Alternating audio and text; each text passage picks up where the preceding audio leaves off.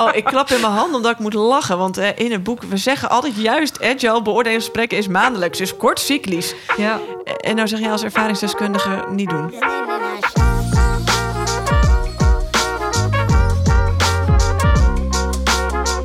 Minke, daar zitten we weer. Ja, Carmen. Wat gaan we vandaag eh, bespreken? Nou, vandaag gaan we een onderwerp bespreken met elkaar... dat voor veel mensen een klotsend okselmoment is. Namelijk het jaarlijkse beoordelingsgesprek. Dus je baas gaat jou even vertellen... en als het een goede baas is, vraagt hij jou ook om input...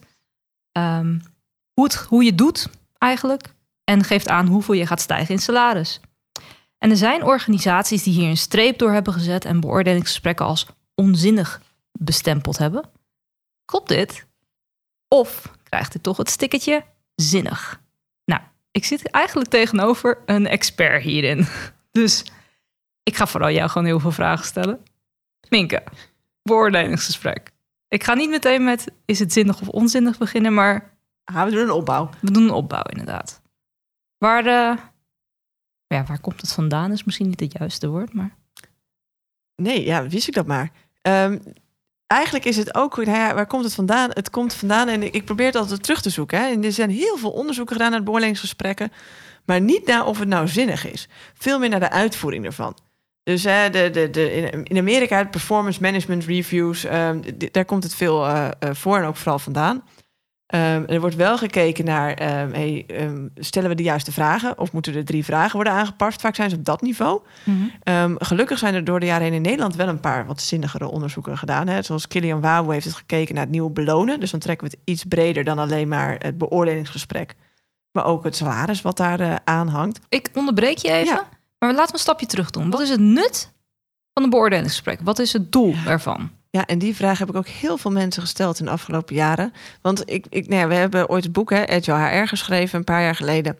En daarvoor mocht best wel veel mensen interviewen. Hè. Ik kom uit de Agile organisatiehoek, maar we merken steeds meer dat als HR niet meebeweegt, het best moeilijk wordt hè, om, om nou ja, een hele wendbare organisatie te worden en een hele open organisatie. En dan was dat ook altijd mijn eerste vraag. Hè. Ik, heb, ik heb twee jaar geleden ook nog op een klus gewerkt ehm, en daarbij was ook mijn, mijn onderwerp was het beoordelingssystematiek aanpassen. En de vraag is altijd om te starten, waarom doe je het? En dan merk je vaak dat er een stilte valt. Waarom doen we het eigenlijk? En eigenlijk is het, ik heb het is een, samengevat in een ouderwetse en eigenlijk een nieuwe opvatting. De opvatting van vroeger was eigenlijk vooral of je voldoet aan de opdracht die je werkgever voor je heeft gesteld. Daarom doen we een beoordelings, beoordelingsgesprek. klaar. Ja, en vaak gekoppeld aan dus een salarisstijging, zoals je net ook zo mooi zei. Ja. De nieuwe opvatting is veel meer eh, bespreken hoe jij een bijdrage wilt gaan leveren komende periode aan de organisatie waar je werkt. Dus dat is een heel. ehm, ehm, en wat je dan dus daarvoor ook nodig hebt. En dat is een hele grote verandering. En je ziet nog best wel veel bedrijven ehm, de oude insteek hebben. En daarom waarschijnlijk ook de klotsende oksels van jouw inleiding. Mhm. Omdat je dan vaak gaat kijken naar van... hey, ehm, shit, ik, de, de- een manager gaat mij vertellen hoe ik het doe. Daarna weet ik of ik hier mag blijven. En mijn salarisstijging hangt hiervan af. Dat is ook heel erg ongelijkwaardig. Klopt. Want ik als manager bepaal voor jou... jij hebt een soort van te zitten en te ervaren. En dat verandert gelukkig wel naar steeds meer ehm, eh, nieuwere vormen... Hè, van beoordelingsgesprekken. Dus we nodigen... ehm, vaak zit er ook veel meer input van klanten bij... of de 360 graden feedback hè, van meer collega's erbij. Ehm, maar een goed beoordelingsgesprek voeren... is ook veel meer de vraag stellen... dus welke bijdrage ga je leveren? Dus het is feed forward... Dus niet feedback, maar richting de toekomst.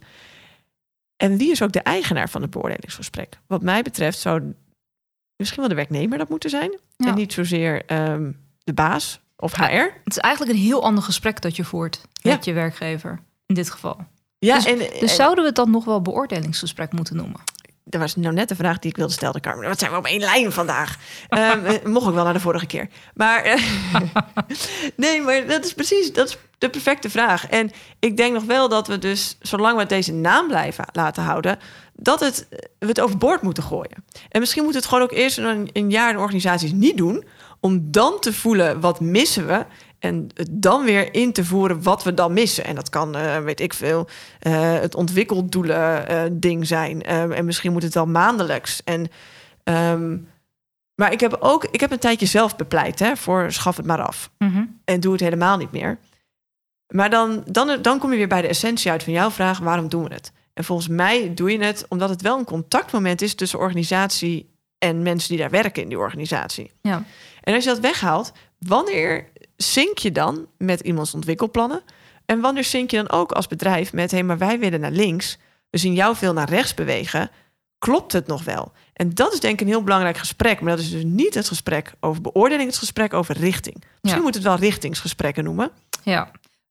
Daarbij pleit ik ook, als je het een nieuwe naam geeft of een andere naam geeft, geef het ook een andere invulling. Ik heb ook Ja. in een organisatie gewerkt waar het dus eh, het goede gesprek werd genoemd. Jeuk, hè? Jeuk. Oeh.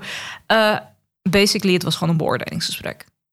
Alleen, het En had wat een andere- veranderde er dan? En niks. Het had een andere naam gekregen en de frequentie was wel iets eh, vaker. Dus in plaats van één keer in het half jaar had je maandelijks een gesprek met je leidinggevende. Het goede gesprek. En hoe ervaarde jij dat? Persoonlijk heel vervelend. Ik hoef echt niet iedere maand met mijn leidinggevende te zitten en te praten over mijn ontwikkeling. Oh, ik klap in mijn hand omdat ik moet lachen. Want eh, in het boek, we zeggen altijd juist... agile beoordelingsgesprekken is maandelijks, is kort cyclisch. Ja. En nou zeg je als ervaringsdeskundige niet doen. Nee, nee. Ik, ik zou echt één keer in de drie maanden. Iedere maand. Een maand is echt zo voorbij, hè? Ja, Dus eh, ik bedoel, we zijn allebei agile coaches. We zeggen inderdaad tot kort cyclische. Maar als je bepaalde acties en verbeteringen of veranderingen wil invoeren, dat, dat kost tijd. Na een maand had, had ik eigenlijk niks te vertellen. Want ik was nog midden in mijn actie. Ja. Dus geef het ook, ik pleit dan ook echt voor, geef sommige dingen ook even de tijd. En of steek het anders in. Dus het was niet van, goh, heb je je actie bereikt? Maar hoe, hoe ehm, zit je op het pad daarop? Weet je wel? Zit je nog steeds op de juiste lijn? Kan ik je helpen in bepaalde manieren om dat doel dat je voor jezelf had gesteld te bereiken? In plaats van, hey, je hebt het doel bereikt of je hebt het doel niet bereikt. hing er ook nog wat aan als jij het doel wel of niet ging bereiken? Nee, eigenlijk over het algemeen niet. Niet bij die maandelijkse doelen. Je had wel jaarlijkse doelen natuurlijk. En daarop kreeg je een hoge salaris. Daardoor kreeg je een hoog salaris en dat varieerde dan in percentage. Dus het was minimaal, wat was het? 2% en maximaal 7%. Afhankelijk van hoe goed je het had gedaan, tussen aanhalingstekens. Waarom die aanhalingstekens? Ja, omdat het, het is zo subjectief, joh. Ja. En dat is het. En op een gegeven moment hadden wij, dus weet je, je leidinggevende, vooral, ik snap het, hè, als je leidinggevende bent van meer dan 20 man, kan je niet van al die 20 man proces in de gaten houden. Van, van hoe ver ze zitten of wat werk dat ze doen. Dus je bent ook afhankelijk van de input van anderen. Dus je had het net heel mooi over 360 graden feedback. Op een gegeven moment was het bij mij zover dat je als medewerker, dan hadden ze de 360 graden feedback geïntroduceerd, maar je moest vier collega's gaan vragen om die feedback te geven aan jou. En twee soort van niet directe collega's. Nou, uiteindelijk kwam het neer op dat je zeven of acht mensen om feedback moest vragen. Maar stel je voor, zeven of acht mensen feedback vragen in een team van 20 man. Dus die leidinggevende moest zeven keer 20 feedbackformulieren lezen. Om vervolgens dat, dat soort gesprekken te gaan voeren. Ja, ik zou ook gek worden als leidinggevende. Ik weet niet of dat ook het antwoord is. Dit doen we nog denken aan. Ik ben ooit teammanager geweest op een blauwe maandag. Van een eh, front- en back-office eh, nee, callcenter eh, ehm, achtig. En dan had ik ook, iedereen had dus de hele maand eh, december waren wij niet aanspreekbaar. Want dan hadden we al die gesprekken en we moesten echt hele ingewikkelde formulieren, want dat had HR bedacht, moesten we invullen, waarvan de meeste vragen helemaal niet nuttig waren. Maar ja, die kon je niet, niet invullen. Ja. En een grappig was, ik voelde me dus verantwoordelijk. En Want ik had heel veel werk. En als werknemer was het alleen een spannend moment, krijg je procenten erbij of niet. En dat was het. Zeg maar, niet dat ik dat niet wil bagatelliseren, want ik vind dat juist een heel spannend moment. En ik ben dus eigenlijk afgelopen jaar ook wel vaker gaan zoeken naar wat zijn de alternatieven. Hè? Wat, wat, wat kan je dan doen? En er zijn in, nou ja, als je gaat googlen, er zijn heel veel mooie verhalen van afgelopen jaren. Zeker in Nederland is het namelijk een hot topic geweest. En heel veel die mislukt zijn. Ik ken een club en die hebben ehm, getest van ehm, iedereen krijgt sterren. Noem maar 50 sterren. En die mag je eh, verdelen over je collega's. Ja. En dus, maar ja, de ene die deed gewoon ja, alle junioren. Want ja, het is best wel sneu als je junior verdient weinig hier. Dus alle junioren krijgen er geld bij. Ja. En de ander deed gewoon, als jij mij 50 sterren geeft, geef ik jou 50 sterren. Oeh. Money on the table. Dat was juist niet wat je wilde. Dus er werd heel veel onrust kwam er. Hebben ze ook afgeschaft. Ik ken ook een club die, die meer eh sociocratie, ik vind dat een moeilijk woord, eh 3.0 zijn ingericht. Hè? Dus veel meer van we doen het echt met z'n allen. En we doen het gezamenlijk, ehm, eh, pakken we dit aan. En dus ook het beoordelen pakken we gezamenlijk aan. Maar die hadden dan, ja, het hele bedrijf is een beetje lastig. Die hadden een commissie ervoor gemaakt. Oké. Ja, nou, ik zie jouw ogen ook meteen groot worden. Ja, of- alsof één manager niet spannend is, krijg je vijf collega's tegenover je. En dan was het niet jaarlijks, maar puur als jij vond dat je meer moest verdienen, mocht je het daarin brengen. Nou ja, dus ja, de, de mensen die goed voor zichzelf op kunnen komen, lukt het wel. Maar Ja. de, ja, die anderen minder. Je mocht ook elkaar nomineren. Nou, dat was dan wel leuk. Eh, ik heb ook organisaties, en dat- daar werken wij vaak mee. Hè. Agile ehm, gaat om teamwerk. Dus dat je het op team beoordeelt. Hè. En dat kan je soms al beter zien, want een goed end-to-end team heeft ook duidelijke uit- output. Ja. Dus nou ja, je maakt een afspraak, lever je dat wel, dan krijg je allemaal je geld. Lever je dat niet, dan krijg je gewoon wat minder geld. Ja. Maar dan is het vaak aan het team weer om dat te verdelen. La- laten we even punt maken dat het niet zozeer over output gaat, maar outcome. Dus, eh, Yes. Yes. maar ja, ga door. Maar beter te meten hè, dan vaak individueel. Maar zelfs Absoluut. daar zit al discussie bij. Dus je merkt heel erg dat het... Het beste hebben we niet gevonden. En om toch nog maar even Kilian Wabo van het begin aan te halen in zijn boek... zegt hij ook heel mooi... Eigenlijk is het alleen maar 0-1. Je voldoet wel of niet. Ja. Dus we hebben een heel poppenkast opgetuigd. Terwijl jij wil niet bij een piloot in het vliegtuig zitten... die half voldoet. Ja. Lijkt mij niet lekker vliegen. Maar we accepteren het wel van een docent. We accepteren het wel van een marketeer. Dat die nog heel veel moet leren. En halverwege zijn traject is of zo. Terwijl je kan ook gewoon zeggen, je voldoet wel niet. Alleen het is voor heel veel beroepsgroepen waar ik dus kom... die weten het eigenlijk niet meer. Die kunnen me niet meer vertellen wanneer voldoet iemand wel of niet. Ja, Dus volgens mij gaat het daar veel meer over. Ehm, en de grap is, hè, voordat iedereen heel, heel spannend gaat vinden... over het algemeen voldoet het overgrote gedeelte van de mensen. Dus waarom hebben we deze hele poppenkast opgetuigd... als 95% van de mensen gewoon voldoet? ja. Nou ja, waarom? Wat denk jij? Nou, ik sta heel vaak met met mijn mond vol tanden, omdat ik het niet weet. Omdat, en het enige wat ik me kan eh, voorstellen, dat is het andere discussiepunt, is natuurlijk, eh, maar dan gaan we iets anders erbij halen. We hebben het nu over beoordelingsgesprekken en we hebben het nu niet over beloning. Vaak worden die aan elkaar gekoppeld. Ja. Ehm, en ja, eh, misschien als de eentje superveel meer werkt dan de ander, is het, vinden mensen vaak niet, niet eerlijk, hè? Dat je minder of meer verdient. Vaak meer vinden we vaak best eerlijk. Ehm, maar die andere kant vaak niet. Dat is ook iets heel grappigs. Ik weet, eh, volgens mij is het, ehm, ja, dat kan ik gewoon zeggen, het is gewoon bol.com. Die hebben het echt aangedurfd om het in teams te laten. Dus sommige teams gingen zelf samen besluiten wie hoeveel ging verdienen in het team. En dan niet je basissalaris, maar wel van hey, het gaat goed, we hebben een bonus, vertel maar. En die konden dan ook echt zeggen, nou jij verdient veel meer, want jij hebt zoveel gedaan voor ons team. Ja. Maar dat is heel veel volwassenheid en vertrouwen in Dat- elkaar. Nou ja, dat wilde ik net zeggen. Dan moet je wel een flinke basis van vertrouwen hebben. Ja, En van psychische veiligheid. ja. En dan, krijg je, en dan ga- je beloning er weer bij halen. En dan gaan we het eigenlijk ook over ontwikkelen hebben. Wat jij net al zei, je feedback. Ik denk vooral als je ze allemaal loskoppelt van elkaar. Ik snap dat ontwikkeling heeft een doel. Ja. Terwijl ik moet ook aan de podcast de vorige terugdenken. Als je na een zesurige werkdag terug wil, wil je cut the crap doen. Dus de vraag is, nou ja, hoeveel doel heeft het dan nog? Hè? Dus ook, maar oké, ontwikkelen heeft een doel. Belonen heeft een doel. Want dat is wel vaak, we- we werken voor geld. Toch Over het algemeen wel, ja. over het algemeen, en terwijl als ik minder zou verdienen, zou ik nog steeds het werk doen. Maar ik vind het wel fijn dat er een eerlijke, voelende beloning tegenover staat. De wortel voelt beter dan de stok. Ja, Ja, ja maar we willen allemaal wel eh, gewoon eh, de, de, de wortel krijgen in ieder geval. Zeker. Geen wortel doe je ook op een gegeven moment niks meer. Ehm, dus de vraag hier sec, hè, zoals we net, jij me stelde, is de beoordelingsgesprekken. Hoe zinnig of onzinnig is dat? Ja, ik, ik denk dat het niet zo zinnig is. Als je bedenkt dat het overgrote gedeelte van je mensen gewoon voldoet. Het is ook een soort vertrouwenskwestie, hè? Vertrouw jij dat jouw mensen voldoen? En ik denk als ik niet voldoe, wil ik niet tot eh, december wachten tot ik een keer te horen dat ik niet voldoe. Als ik nu al niet zou voldoen, dat zou duur zijn voor mijn werkgever. klopt. Dus zeg je hiermee eigenlijk dat de invulling van de beoordelingsgesprekken zouden we moeten aanpassen? Even los van hoe je het Nee, ik, goed dat je het vraagt. Nee, ik zou zeggen, je moet het loskoppelen. Dus ontwikkelen, beoordelen, belonen zijn drie verschillende dingen. Ja. En eh, als je het over beoordelen, een sec hebt, dat stukje, Eén of nul. Punt. één of nul. Ja. En als het goed is, ben je één. En ik kan best snappen dat je iemand aanneemt dat je nog niet 100% zeker weet of je één bent. Nou prima, daarvoor hebben we een proeftijd. Eh, maar daarna ben je gewoon één. En tenzij je in één keer terugzakt naar nul, dat is ook heel intrigerend. Maar dat kan, hè. Ik bedoel, als je een tijd afwezig bent geweest of, of het werk verandert. Maar dan doe je ook ander werk. Moet je Dus- hercontracteren ook, toch? Dan heb je een hercontracteermoment. Dus eigenlijk is dat misschien wel hetgene wat we te doen hebben. Is tijdig hercontracteren. Want soms weet je zelf helemaal niet dat je blijkbaar iets anders van je verwacht wordt in de tussentijd. Ja. Daar helder over zijn. En wel op tijd aan de bel trekken. En ik vind het zo, oh zo lafjes als je daar een heel groot HR-instrument voor nodig hebt. om gewoon iemand recht in de ogen aan te kijken en te zeggen: Jij voldoet niet. En jij voldoet niet is niet altijd een disqualificatie. Zo klinkt het nu wel, denk ik. Mhm. Maar eigenlijk is het, jij ontwikkelt je richting B en wij ont- ontwikkelen ons als organisatie liever richting K. Dat zijn Ja. twee verschillende letters. Moeten we nog wel samen door? Maar is de reden dat die hele HR beoordelingsapparaat opgezet is. Niet omdat, nou, als medewerker heb je gewoon bepaalde rechten. Mhm.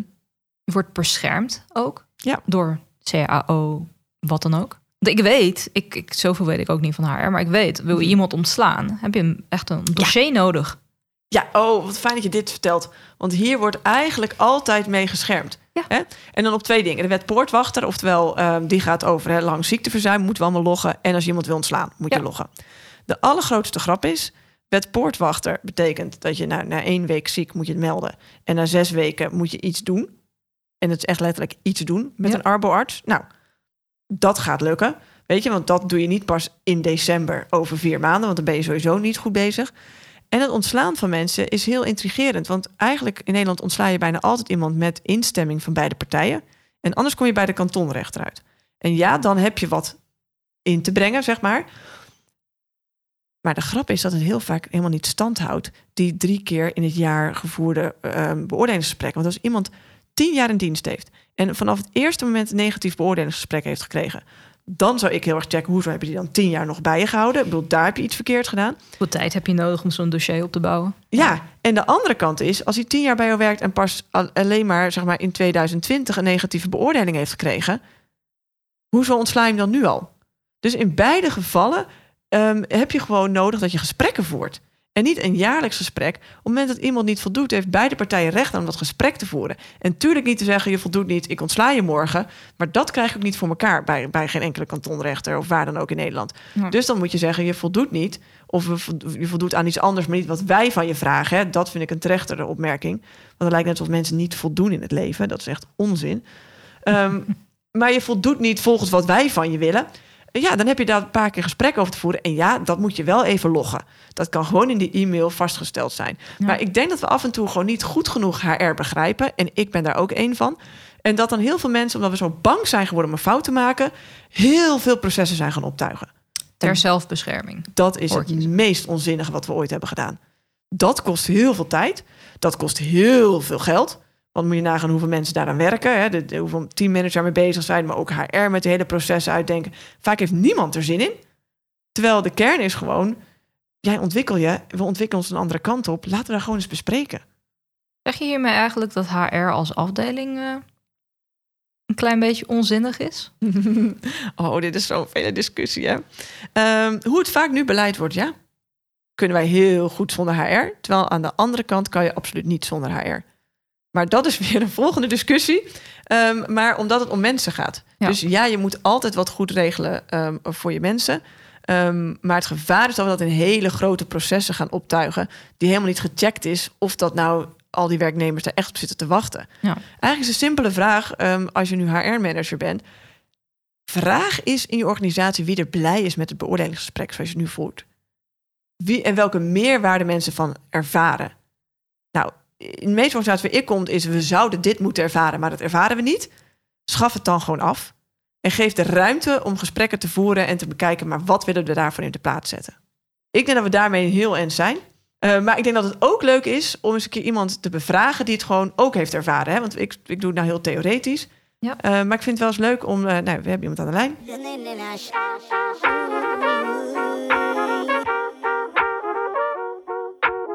Aan de lijn hebben wij Matthijs. En Matthijs is een vriend van onze producer Fred. Hey, Ja, uh, tuurlijk. onze eerste vraag is altijd: wat voor werk doe je? Ik ben eh, podcastmaker, presentator en eh, ik ontwikkel creatieve concepten voor interne communicatiedoeleinden. Ja, wij moeten al meteen allebei lachen. Dat klinkt Ja. gewoon al heel leuk eh, eh, werk, lekker creatief. Hey, en vind jij jouw werk, hè, zou je dat nou zinnig eh, omschrijven of onzinnig? Ik vind het zelf heel zinnig, maar ik weet niet of ik eh, iets bij, op dit moment iets bijdrage aan een betere wereld. Dat is maar de vraag natuurlijk. En wat maakt dat je het zinnig vindt? Eh, omdat ik er zelf heel blij van word. Kijk, wat je eigenlijk voor een andere aflevering moeten uitnodigen, Matthijs. Eh, aflevering zinvol werk. Ja, dat mag ook. Dat mag ook. Nee, de, de, het onderwerp voor vandaag is eh, eigenlijk beoordelingsgesprekken. Dus wat vind jij van Ja. het concept beoordelingsgesprekken? Vind je dat zinnig of onzinnig? Nou, ehm, ik vind dat niet. Ik vind het in de vorm zoals het vaak gedaan wordt niet heel zinnig. Dus wat ik, eh, ik heb hiervoor eh, onder andere leiding gegeven aan operationeel personeel en ook aan professionals in allerlei verschillende vormen. En ik merk dat je eigenlijk altijd met elkaar in gesprek gaat over een stukje. Ja, je gaat een beoordeling over iemand hebben. Mhm. Ehm, hoe groter de groep mensen wordt waar je leiding aan geeft, hoe meer ik merk dat het een soort afvinklijst wordt. Dat is wat ik bij operationele mensen heb gemerkt. Ja. En bij professionals merk ik dat het vaak heel erg ehm, hen eh, een gevoel geeft dat je gaat vergelijken met andere mensen in jouw team of in het bedrijf waar je voor werkt, die in andere teams zitten. Wat maakt dat je een soort van ontevredenheid krijgt, omdat ik misschien wel strenger ben dan iemand anders. En je kunt het nooit echt objectief doen. Ja. Dus dat maakt dat het best lastig vindt om. eh, volgens mij is het heel goed om een gesprek met iemand te hebben. Maar of je echt een beoordeling moet doen. ehm, bij het laatste bedrijf waar ik gewerkt heb. Zijn we er ook mee opgehouden om te beoordelen. Ja, dit is fantastisch. Jij dat valt gezegd ongeveer even in, in, in één minuut samen waar ik twintig minuten voor nodig had. nou, dus een stukje weer gewoon een efficiënte samenvatting. Nou, hoor dan, luister dan alleen naar dit laatste minuut. Hey, en ik vraag ook altijd, gewoon leuk om te weten, een schaal van 1 tot 10. In hoeverre draagt voor jou dan een beoordelingsgesprek bij aan, nou ja, bij jou of draagt bij aan je werkgeluk of meer eerder vermindert het je werkgeluk? Ehm, ik denk dat, het- dat, mijn werkgeluk van, eh, dat, dat mijn werkgeluk zou bijdragen om eh, op een goede manier te horen te krijgen hoe ik het doe. Mhm. Ehm, maar aan een beoordelingsgesprek hangt ook heel vaak het, het randje van beoordeling, eh, belonen en eh, vergelijken met anderen. En dat draagt eigenlijk niet per se bij aan mijn werkgeluk. Dat kan me eigenlijk alleen maar tegenvallen. Want ik hoop altijd dat ik het natuurlijk op mijn allerbest doe. Ja. Dan hoop ik dat ik zoveel, zo hoog mogelijk scoor tussen aanhalingstekens en daar dus ook een navenante beloning voor krijg. Maar op het moment dat ik dat dus niet krijg, ben ik eigenlijk per definitie altijd ontevreden. En op het moment dat ik het wel krijg, eh, dan, ja, dan heb ik aan mijn eigen verwachtingen voldaan. Ja. Dus ik heb veel liever dat iemand mij af en toe zegt van joh, je hebt het goed gedaan. Ja. Of het nou een klant is, of een collega, of een eh nou ja, leidinggevende heb ik dan op dit moment niet, want ik ben echt baas. Maar eh, nou, dat, zo eigenlijk. En zo heb ik het ook eigenlijk altijd wel ervaren bij mensen met wie ik mocht werken daarin. Dus, Ja. eh, dus ik vond het ook altijd wel in de weg zitten van een goed gesprek met iemand. Ik meen het serieus, eh, Minke, wat jij net ook zegt. Volgens mij kunnen we naar interview van Matthijs luisteren. En dat is de hele aflevering. eh, Ja. van de laatste 20 Ja, minuten. het scheelt een hele hoop tijd. Het scheelt een hele hoop tijd. Hey, eh, Matthijs, laatste vraag. Die stellen we ook aan eh, iedere gast eh, die bij ons binnenkomt. Als jij één werkregel zou mogen veranderen, welke zou dat dan zijn? Ja, best wel veel, maar ik denk dat dit is wel, dit is wel een interessante in deze tijd. Ehm, zeg maar van 9 tot 5 werken is zeg maar heel normaal, ook omdat de hele wereld daaromheen zo georganiseerd is. Maar ik vind het zo bijvoorbeeld heel fijn om s'avonds te doen of toch heel vroeg. Maar dat Ja. kan niet, want ik heb een kindje en dat soort dingen. Dus ik zou best wel, en wat ik kon vroeger heel goed, maar ik kan het veel minder goed nu een kindje heb. Dus ik zou best wel de werkregel willen veranderen dat, ehm, dat want ondanks dat mensen zeggen, je moet geen 9 tot 5 mentaliteit hebben, is dat wel een soort van een verwachting waarop je werkt. Je zou wel een manier willen vinden om de, om de werkregel, om je werk zo in te plannen. Nou, ik ben het onder andere gaan doen door voor mezelf te werken. Dat helpt natuurlijk enorm. Ja. Ehm, dat, je, dat, je, dat je je werktijden nog veel beter en efficiënter kan indelen. Net dat je nu plaatsaf onafhankelijk kan werken, zou je nog veel beter tijd van onafhankelijk moeten kunnen werken, denk ik. Ja, die is fantastisch. Nou, pla plaatsonafhankelijk, meer tijdonafhankelijk eh, werken wat jou betreft. Nou, super bedankt. Fijn dat we jou deze vragen eh, mochten stellen. Alright, bye bye. Hey, hoi, hoi. Zinnig of onzinnig? Zinnig of onzinnig? Goed, we hebben nu de mening gehoord van eh, onze gast. Aan ons de taak om eh, te bepalen of een beoordelingsgesprek zinnig of onzinnig is. Minke. Onzin. Heel simpel. Carmen, ik vind het beoordelingsgesprek echt onzin. Nou, die paar jaar dat ik nu met HR op pad ben geweest, schaf het af. En kijk elkaar gewoon weer. Ga je niet schuilen achter procedures. Kijk elkaar gewoon recht in de ogen, mens tot mens, want dat is gewoon wat we zijn. En check gewoon geregeld bij elkaar. Klopt de route van onze organisatie en jouw route met elkaar? Dat is Ja. alles wat je te doen hebt. De 1 of de 0. En en Carmen, wat vind jij? Ik vind het een lastige vraag. Ik vind hem zinnig als we hem inderdaad 0 of 1 doen. Maar als we hem blijven behouden zoals we het nu doen, beoordelingsgesprekken, dus inderdaad gewoon terugkijkend naar hebben we met elkaar de afspraken en dan ja, de be- beloning eraan gekoppeld, dan zou ik zeggen onzinnig. Dus eh, conclusie, eh, Stoppen ermee, hè, als we het ons horen. Of eh, en in ieder geval een 0-1 eh, invoeren, als ik jou... lekker binair, lekker binair, oh wat fijn. onwijs. Nou, dank je Carmen. En jij bedankt Minke. En ik ben benieuwd naar ons volgende gesprek. Dankjewel voor het luisteren van deze aflevering. Vond je het interessant? Abonneer je dan op deze podcast. Of praat met ons verder door ons te volgen op Instagram via zin en onzin van werken. Tot de volgende aflevering.